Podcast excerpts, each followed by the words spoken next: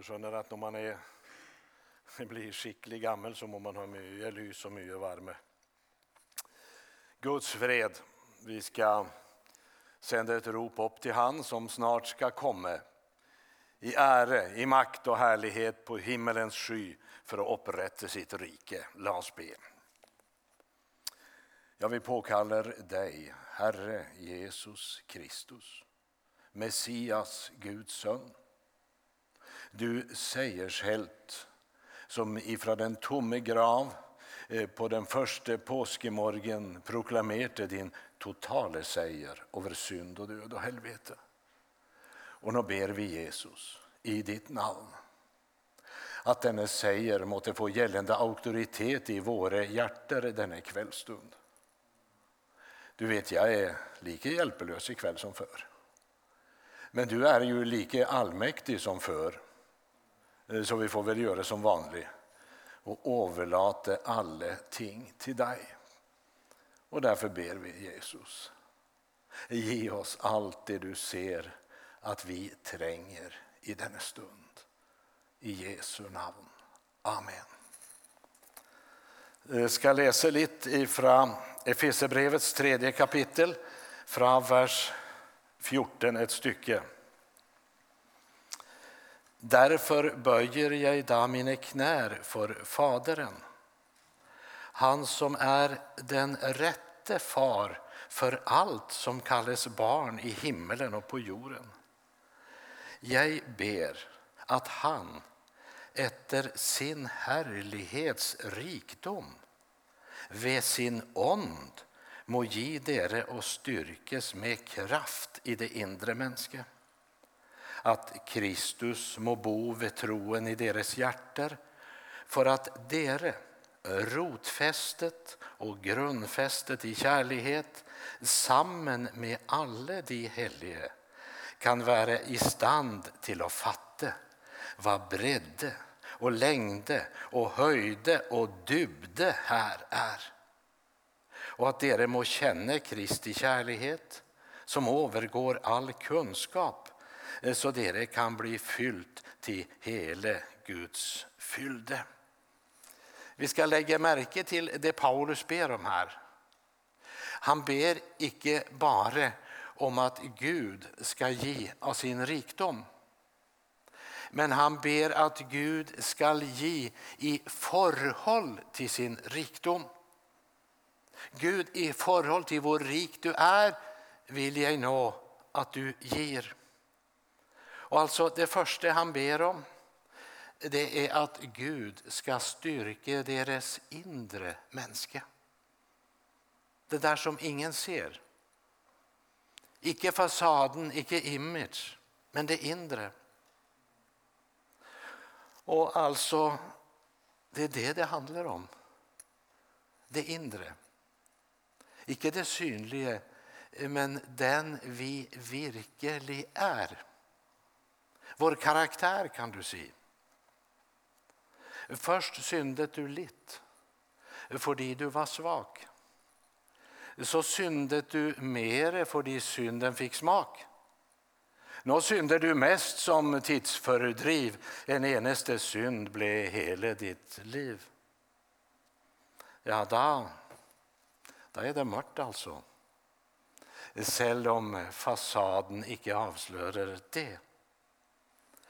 Allting får en konsekvens. Så en tanke och du höstar en handling. Så en handling och du höstar en vane. Så en vane och du höstar en karaktär. Så en karaktär och du höstar en evig livsskebne, nämligen. Och det begynte med så lite som en tanke, men man gav den rum. Och så begynte det.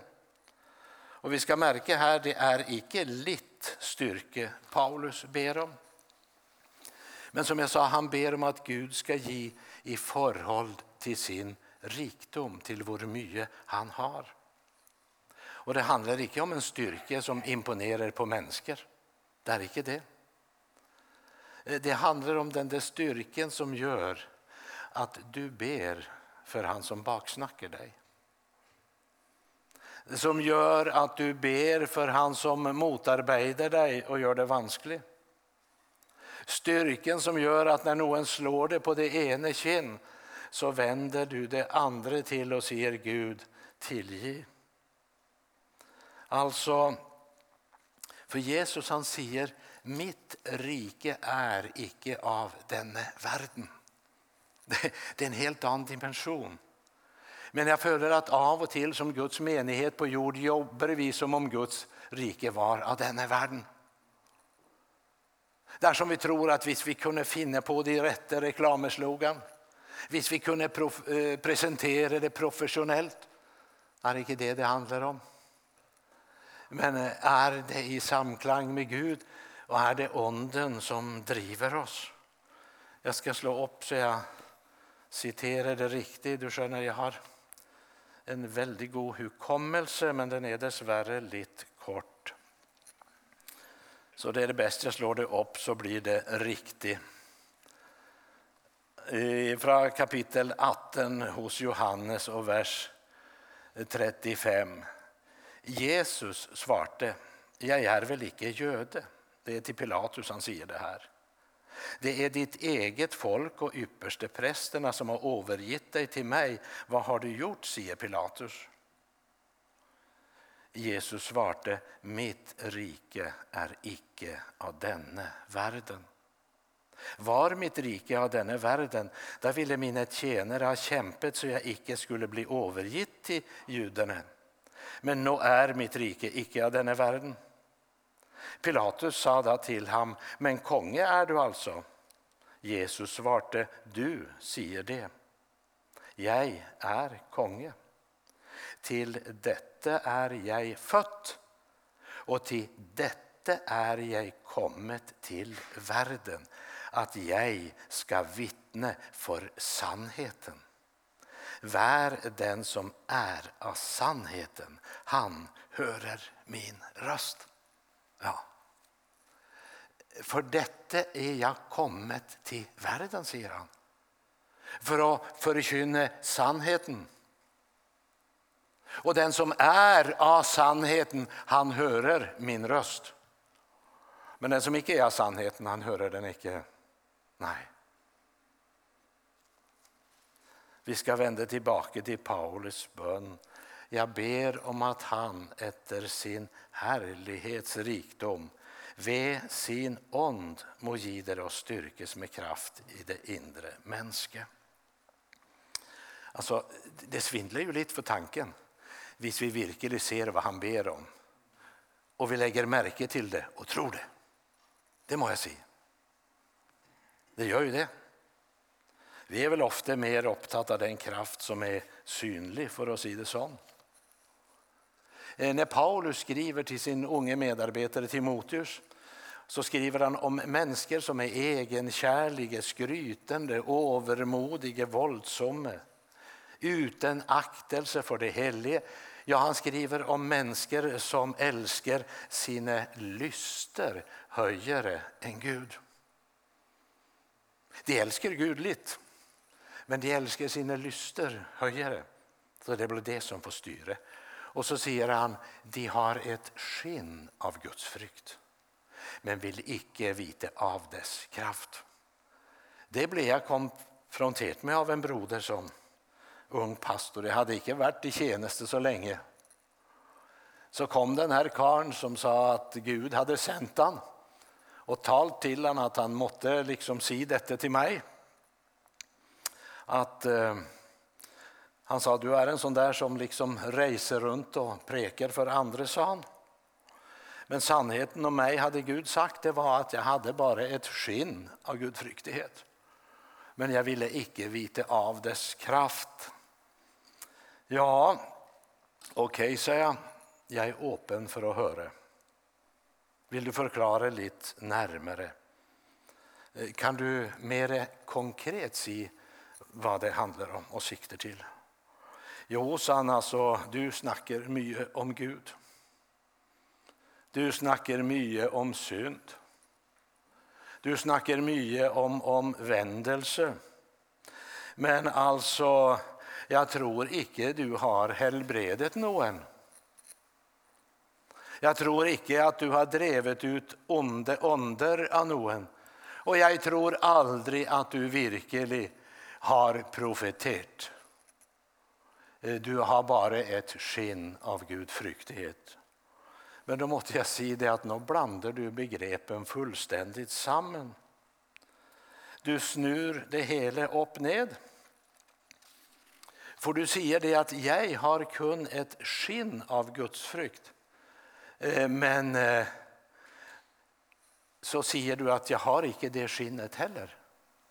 Vad menar du, sa han. Ja, men säger jag skinnet, det är ju alla dessa synliga ting, icke sant? Helbredelser, tegn, under, sensationella ting. Det är ju det synliga, det är ju det som är skinnet. Och ja tack, det vill vi gärna ha mer av. Icke sant? Ja tack. Men kraften, och då snackar han inte liksom om en kraftdemonstration, men kraften om att leva, tänke och handle rättfärdig och helig. Leve i Guds frykt och renhet när ingen ser mig. När jag är helt alene. Men den kraften är det visst inte så många som hungrar efter. Vem är jag? Vad tänker jag och gör jag? Vad gör jag när ingen ser mig? Vad gör jag när det bara är Jesus och jag utan publik? Är det då viktigt för mig att leva rent? Tänka rent och heligt? Kraft till ett gudfryktigt liv? Eller är jag upptatt av att i tankar, ord och gärningar göra intryck? Är jag mest upptatt av det synliga? Vad andra tänker, vad andra menar? Paulus bön handlar ju icke om en kraft som gör att vi nå kan demonstrera vår styrka. Slik att världen blir imponerad när de ser eh, hur mycket vi kan. Nej. Du skönner, Guds tankar är så mycket högre än vad våra tankar är.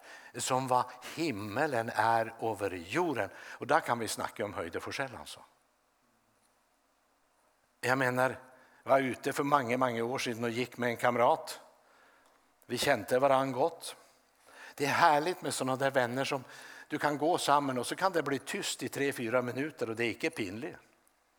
Du bara går där. Du vet, I någon sammanhang och någon sällskap blir det pinligt när ingen säger något. Men visst det är två som verkligen känner varann. Och så plötsligt smilte han och lo lite och så tänkte jag nu kommer han nog på en vits. Och så jag får höra, vad tänker du? Ja, så sa han, ser du den där stjärnan där uppe som lyser lite mer än de andra? Ja, så jag ser den.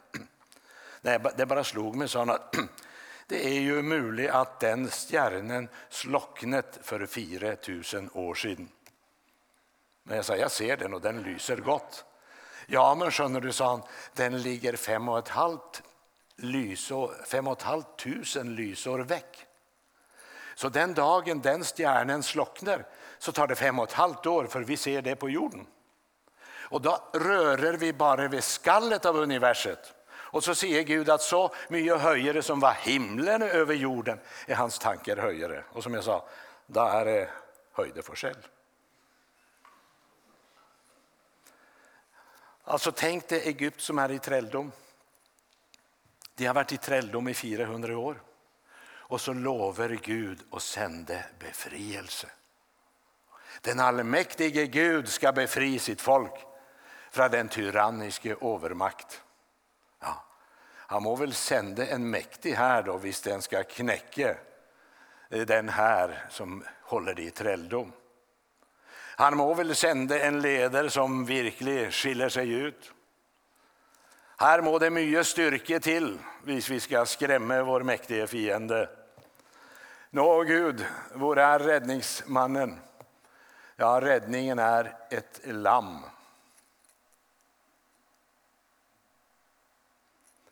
Det som ska besegra Egypt är ett lamm som ska slaktas. Ja. då må vi tro. Hvis vi ska tro att det är räddningen. Det är mer än man kan se med ögat. Men var och en som gjorde bruk av lammet blev berga. Någon steder tror jag de satt och sang halleluja och sa tänk vi är berga. Vi kan vara helt säkra. Och så kom du till nästa hus som också hade brukt samma blod och där satt de och sa kan detta virka? Hur kan detta gå? Hur ska det gå med oss? Jag tror det var väldigt forskjell i de olika husen. Men alltså, det är en ting som är viktig. Lammets blod. Och oavsett hur man följde, tänkte eller hade det, Visst, man hade tagit tillflykt till blodet så blev man berga. Tänk. Men Gud han, han är en märklig Gud. Tänk så vandrar de ut. Kan du höra lovsangen efter befrielsen? Ändelig får man lägga fienden bak sig och så gå. Men så ger Gud en märklig order om hur de ska vandra. Du kan läsa om det i Andra Mosebok. Han säger att det ska gå sån och sån eh, så dere hamnar vid Pihakerot. Och så leder han sitt folk lite tillbaka så de havner vid ett hav som stänger vägen och klipper som stänger flykt till sidan och bak kommer fienden. Han leder dem så de blir instängda av den fiende de har flyktat från. Men det är inte tillfälligt. Det fanns lättare och bättre vägar, men Gud var nött att välja denna väg. För skönner du, Gud älskar också egyptierna. Han vill också vittna för dem. Pihakerot, där stod alltså den skyddsgud som var Egyptens speciella skyddsgud. Och när Gud ska förlösa sitt folk så vill han göra det så att det blir ett vittnesbyrd för egyptierna. Och så säger Gud, jag väljer att föra mitt folk ut där Egyptens skyddsgud står. Ja, men det är upraktiskt Gud. Det, det, det, det ska du inte tänka på en gång för där är det ett hav som stänger vägen. Så det lar sig inte göra. Okej, sa Gud, då delar vi havet. Alltså, det har gjort mig så gott att uppdaga att Herren leder sitt folk till synes så dumt så att det blir innestängt. Men du skönjer, han som älskar Israels barn älskar också egyptierna. Och han har inte fört dit till Röda havet för att knäcka dem. Han har inte det. Men han har fört dem en väg som gör dem totalt avhängiga av Gud. Och när du kommer upp i Noa så det ser så hopplöst ut att du ser ingen väg, då ska du säga hjälp mig Gud att förstå att du har fört mig hit för att leda mig till avhängighet till dig och icke till motlöshet. Nämligen. Och vårt inre tränger och styrkes. Och han säger att det tränger att ske något på insidan här så att vi kan begynna att ana vad bredde, längde, höjde och dybde det är i troens liv. Alltså, ibland snackas det som att målet med ett människa är att det ska bli frälst och komma till tro. Det är ju bara begynnelsen. Jag sitter ibland med en födelse att vi har varit dåliga vägledare. Så när folk är frälst och kommer innanför porten så är det som att vi ger dem en stol och säger sätt dig ner nu är du berga. Men alltså, det är ju där det begynner. Visst du har kommit in genom den här porten, visst du har fått uppenbart vem Jesus är och vad han har gjort i ditt liv, då ska du begynna på uppdagelsefärden. Och söka efter skatter som är gömt och skjult i mörker, men det är skatter. Alltså icke nöjd med att komma innanför porten och leva ett fattigt åndligt liv. Jesus har kallat dig till ett liv i överflod. Bredde, längde, höjde och dybde. Det är fyra dimensioner. Det var en som sa till mig, har du sett detta nydliga bilder? Det är tredimensionalt. Ja, så det hjälper inte det, mitt liv är fyrdimensionalt. Det bredde, höjde, längde och dybde. Bredde, det talar om något som är bredare än celllivet vårt. Ett åndsliv i bredde, det kommer alltid andra människor till gode. Det gör det. Du ser, den Guds ond som virkar i vårt inre, den ska göra oss till kanaler för de vi människor vi möter och kommer i beröring med. Paulus han svarar till de i Roma, de hade önskat att han skulle komma dit och besöka dem. Och så säger han i Romerne 15.29 och jag vet att när jag kommer till dere ska jag komma med en fylde av Kristi välsignelser. Vad tror du ville ske på ett bedehus eller ett samlingslokal i Norge? Visst de till mig och sa Kurt eh, kan du komma den och den helgen och preka här hos oss? Och så svarade jag yes, jag kan komma. Och när jag kommer så ska jag komma med en fylde av Kristi välsignelser. Då hade jag blivit kallt in till läresamtalet. Men alltså, det är det Efesierbreven 3 snackar om. Att han vid sin härlighetsrikdom, vid sin ond må ge och styrkes med kraft i det inre mänske. Att Kristus må bo vid troen i deras hjärter för att dere rotfästet och grundfästet i kärlighet samman med alla de helige kan vara i stand till att fatta vad bredde, längde, höjde och dybde här är. Och att dere må känna Kristi kärlighet som övergår all kunskap så dere kan bli fylt till hela Guds fyllde. Det är rådet vi får av Guds ord. Och alltså Paulus, han räknar med att när han ska komma på besök till Roma så ska Gud uppfylla det här löftet. Han räknar inte med sig själv. Det är hans våldsamma självtillit, men han räknar med att Gud ska uppfylla löftet. Jag ska bara resa dit Gud kallar mig och så ska Gud göra sin gärning. Känner Kristi kärlek som övergår all kunskap och så samman med alla de heliga. Vi utrustas icke av Guds ond för att vi ska bli någon elite. Men vi, Gud kallar icke ensamvargar. Vi är kallade till fällskap. Han kallar icke aleneulver. Vi är lämmer på Kristi kropp och skjønner du, lemmene må fungera samman hvis legemet ska fungera. Husk att lönnkammervirksomhet utan fällskap det skapar fort åndeliga enstöringar.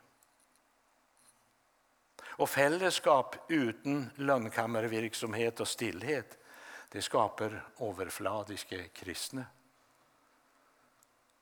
Om du går i ett gott fällskap, om du har mycket fällskap, möter ofta upp i fällskapet så är det fint. Men likväl, det är ingenting om det inte är någon lönnkammervirksomhet i ditt liv. Om du aldrig är alene med Gud så bedrar du dig själv, det vill jag bara säga. Alltså lönnkammervirksomhet och studium och skriften och så samman med de heliges fällskap. Det skapar ett åndsliv med bredde och som kommer andra till gode som jag sa. Och Paulus han vet vad som kan ske. Han tror på Gud, icke på sig själv och så är han fri från falsk ydmykhet. Ett trosliv med bredde, där är det god plats för vad Gud vill. Men det är väldigt trangt för celllivet. Och så längde, det är också en dimension. Så dere kan vara i stand till att fatta vad längde det är i det här riket. Jesu marsår är att vi ska gå ut med evangeliet till alla stammar, folk och tungemål. Snack om längde alltså. En gammal svensk psalme säger öster, väster, norr och söder korsets armar översträcka. Och den salmen begynner slik. Tung och kvalfull vilar hela världens nöd på Jesu hjärta. Och han kallar oss att dela denna bördas tyngd och smärta. Har du delt smärtan med Kristus? När vi snackar om längd i vår tid tänker väl folk helst mest på att leva länge. Och de flesta önskar nog finna mening och innehåll i livet. Eh, men innehållet ska helst inte vara något som icke tillfredsställer dem själva. Och därför jagar de flesta efter denna världens goder och förnöjelser och flyktiga goder och nytelser och tidsfördriv. Och tidsfördriv är egentligen ett förfärligt ord. Tidsfördriv. Tänk du när livet är så tomt och meningslöst att tiden är nog jag må fördriva. Det är ju ganska tragiskt. I Johannes brev så skriver han att vi icke ska älska världen. Där menar han icke att vi icke ska älska Guds skapelse, blomster och fåglar och, och ängar och sjöar. Det är icke det vi ska hata. Men det är världens måte att tänka på. Det är det rike som är av denna världen, tidsånden. Det är det vi ska passa oss för. Pass dig så du inte kommer in i den här tanken att ja, jag har det väl rätt att göra akkurat som jag vill. Denna världens Gud har förblindat de vantro sin, säger han, så de ser icke lyset från evangeliet. Det är illa det när ett människa i vår värld blir så blind att när han slår upp den här boken så ser han icke lyset från evangeliet längre. Är du där så må du ropa till Gud. Alltså, jag, jag är kommit hit ikväll för att tala till de människor som har en längsel efter Gud. Och har icke du någon slik längsel så må jag bara säga det rätt ut. Jag har ingenting att säga till dig. Jag har icke något budskap till en slik. Och om det inte sker ett radikalt under i ditt liv så är du förtapt allerede nå för du dör.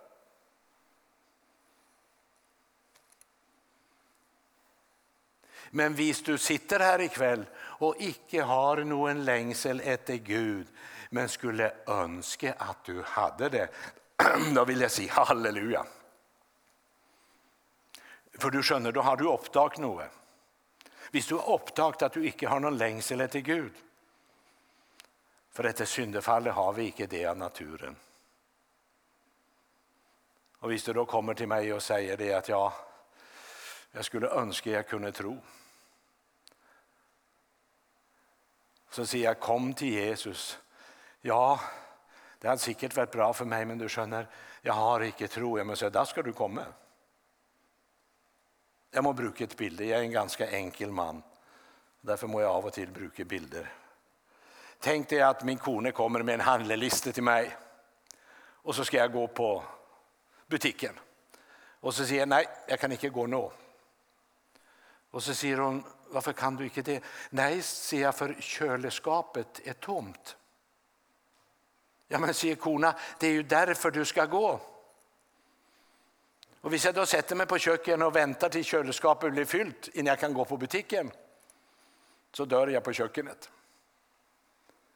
Och om du har tänkt och väntar med att komma till Jesus till du får nog tro. Inte sant? Jesus inbjuder dig och så förtäller han, han är troens upphavsman och fulländer. Så visst du icke kan tro, då är det han du ska komma till, det kan jag lova dig. Och han snackar om höjde. Mina tankar är icke deras tankar, men hans tankar är så mycket högre som var himlen över jorden. Och så dybde. Det är viktigt att vi lever så att vårt trosliv fördjupas.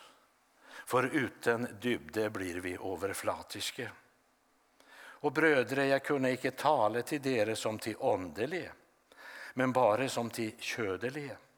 Som småbarn i Kristus, mjölk gav jag dere och dricke, icke fast föde, för dere tålte det ännu icke, heller icke nå tåler dere det, för dere är ködlige.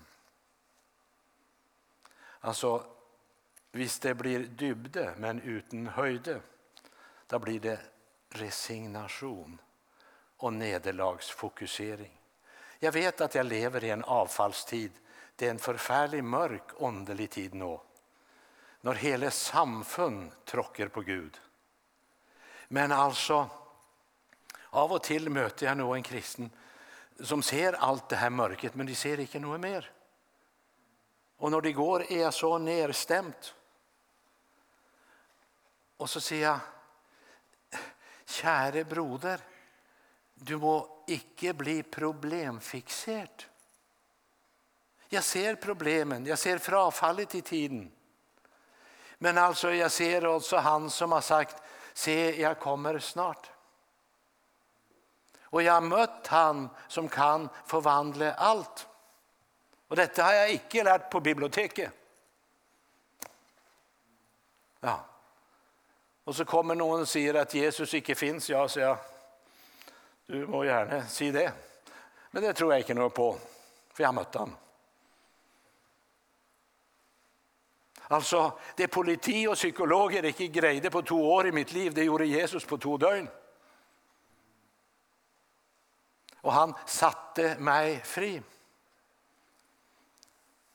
Och Paulus säger att vi ska förstå vad som är Herrens vilja. Men ska vi det, då må vi köpa den belejliga tid, säger han. Köpa? Är inte evangeliet en fri gave? Jo, men alltså att prioritera och ge sin själ näring och tid till studium av Guds ord, det vill alltid kosta att prioritera det. Alltså, hvis jag kun läste den här boken när jag lyssnat så hade jag inte varit i livet idag, åndligt sett. Men vi må ha rutiner och disciplin. Maria valde den gode del, sa Jesus. Men Marta hon hade ett sinn som träckte i så många rättningar.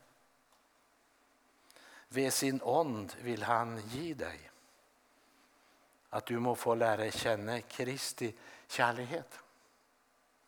Genom Guds ord och så omsätter du det du förstår i praktisk handling. För tro som inte leder till en konkret konsekvens, det är inte tro, det är bara kunskap. Tro leder alltid till handling. Jag ska pröva att avsluta före jul. Guds nådegaver deles ut till den som inte tar. Det är lite ansang. Det är nog för en törstande, haltande själ. Det är inte så att nu, nu, nu må du få i stand lite grann så du blir värdig att ta emot något från Gud. Guds nådegaver deles ut till den som inte tar. De nyter frukten ifrån Kanans land. Från helligdomen oljen flyter till ditt tomme kar och onden sätter hjärtene i brand. Jag är här ikväll för att säga att Jesus kallar dig. Han kallar dig med dessa ord, följ mig. Följ mig. Ja. Alltså, Gud kan sätta dig i brand. Den Gud som satte busken i brand som Moses fick se busken brinna. Det är inte så ovanligt att buskar brinner i öknen när det är torrt. Men det är väldigt ovanligt att en buske brinner och brinner och brinner och brinner och inte brinner upp. Ja. Av och till har det varit någon projekt som jag har varit väldigt tänt av och inte det var Gud. Och, och jag var så i brand alltså för projektet och så efter två månader var det bara en rykande askhög igen. Då skönte jag det var sköldtändning. Men alltså visst Gud får sätta hjärtat i brand. Och du skönner, vilken som helst busk duger. Bara han får sätta den i brand. Och det har jag lärt av en gammal färghandlare som är hemma hos Herren. Då, då jag på slutet av 60-talet och begynnelsen av 70-åra gick på bibelskola i Oslo så var jag på möte i Lörenskog en kväll. Och när jag kommer in där så löper jag ihop med en kar. Jag var ju bara unggutt, 19-20 år den gång. Löper jag ihop med en man och, och, och pang sa det. Och jag, ursäkta sa jag. Så ser han, ursäkta sa han, är du svenske? Ja, säger jag är väl det. Ja, men sa han, jag må få presentera mig, sa han. Och så sträckte han fram honom. Oskar Hansen, kallt av Gud till fargehandler. Och så gick han. Mm. Han öppnade mina ögon för något. Att få ett kall för Gud betyder inte nödvändigtvis att jobba i en mission. Gud tränger människor på alla nivåer i samfundet. Och den mannen har verkligen präget mycket av mitt liv. Jag var på bönemöte två gånger i uka på Oskars fargehandel de årene jag bodde i Oslo. För när mötet var färdigt stod jag utanför och väntade och när karen kom, så sa att jag må få adressa till den fargehandelen. Så där blev det bönemöte två kvällar i uka de åren i Oslo. Tänk. Ofta var det bara jag och Oskar. Noen gang var andre elever med meg for å få møte Oskar og be sammen med oss. Och du vet, första ukene så tänkte jag det var väldigt vad Oskar brann idag. Men det är inte sant, när du har gått där två gånger i uka i två år och det bränner fortsatt lika mycket, då skönner du det är inte självtänning. Och så sa jag Gud, la noe av den ånd som följer Oskar följa mig det jag drar fram. Guds nådegaver delas ut för den som inte har. Jag ska citera ett dikt här. Jag må ta den här med, för det var det med hukommelsen, inte sant?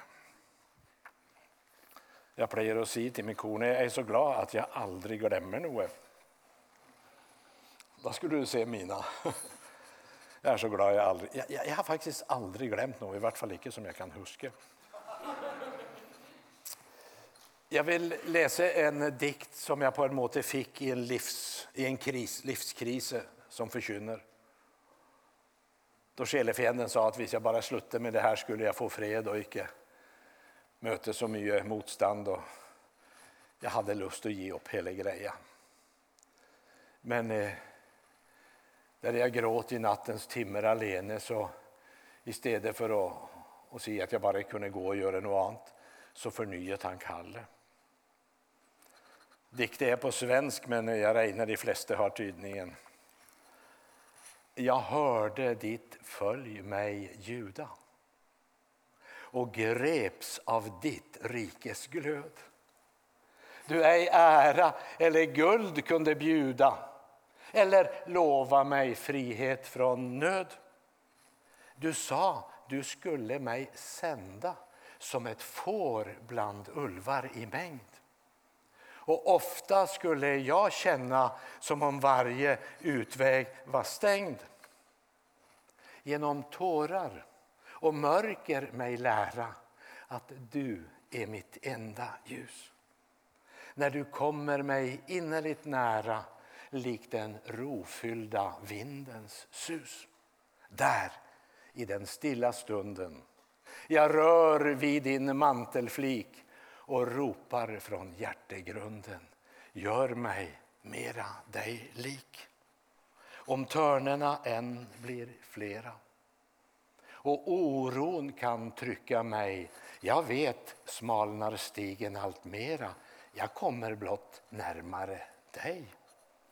Låt mig, o Herre, få glömma mig själv och allt som är mitt så din fullhet till hjärtat får strömma, ty riket, ja, riket är ditt. Låt var tanke i blodet få renas och var handling ledas av dig. Ja, låt oss så helt förenas att din ande helt uppfyller mig. Så är det min bön att Gud har fått skapa en längsel i ditt hjärta efter längde, höjde, bredde och dybde i troens liv. Kära Herre Jesus, jag ber att rätt igenom min brist och skröpelighet likeväl noe av din härlighet kunde lysa fram. Att det kunde skapa hunger och längs hos noen själ till att söka in till den Gud som vill ge liv, ja, liv i överflod så må du hålla etterpreken i hjärtena. Och så lägger vi detta inför dig och tackar dig Herre för att du är redo att ge oss i förhåll till vår rik du är. Hjälp oss att ha stora förväntningar.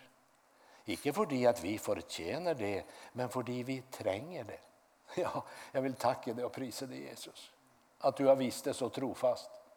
Att du dag efter dag ger mig, icke det jag förtjänar, men det jag tränger. Amen.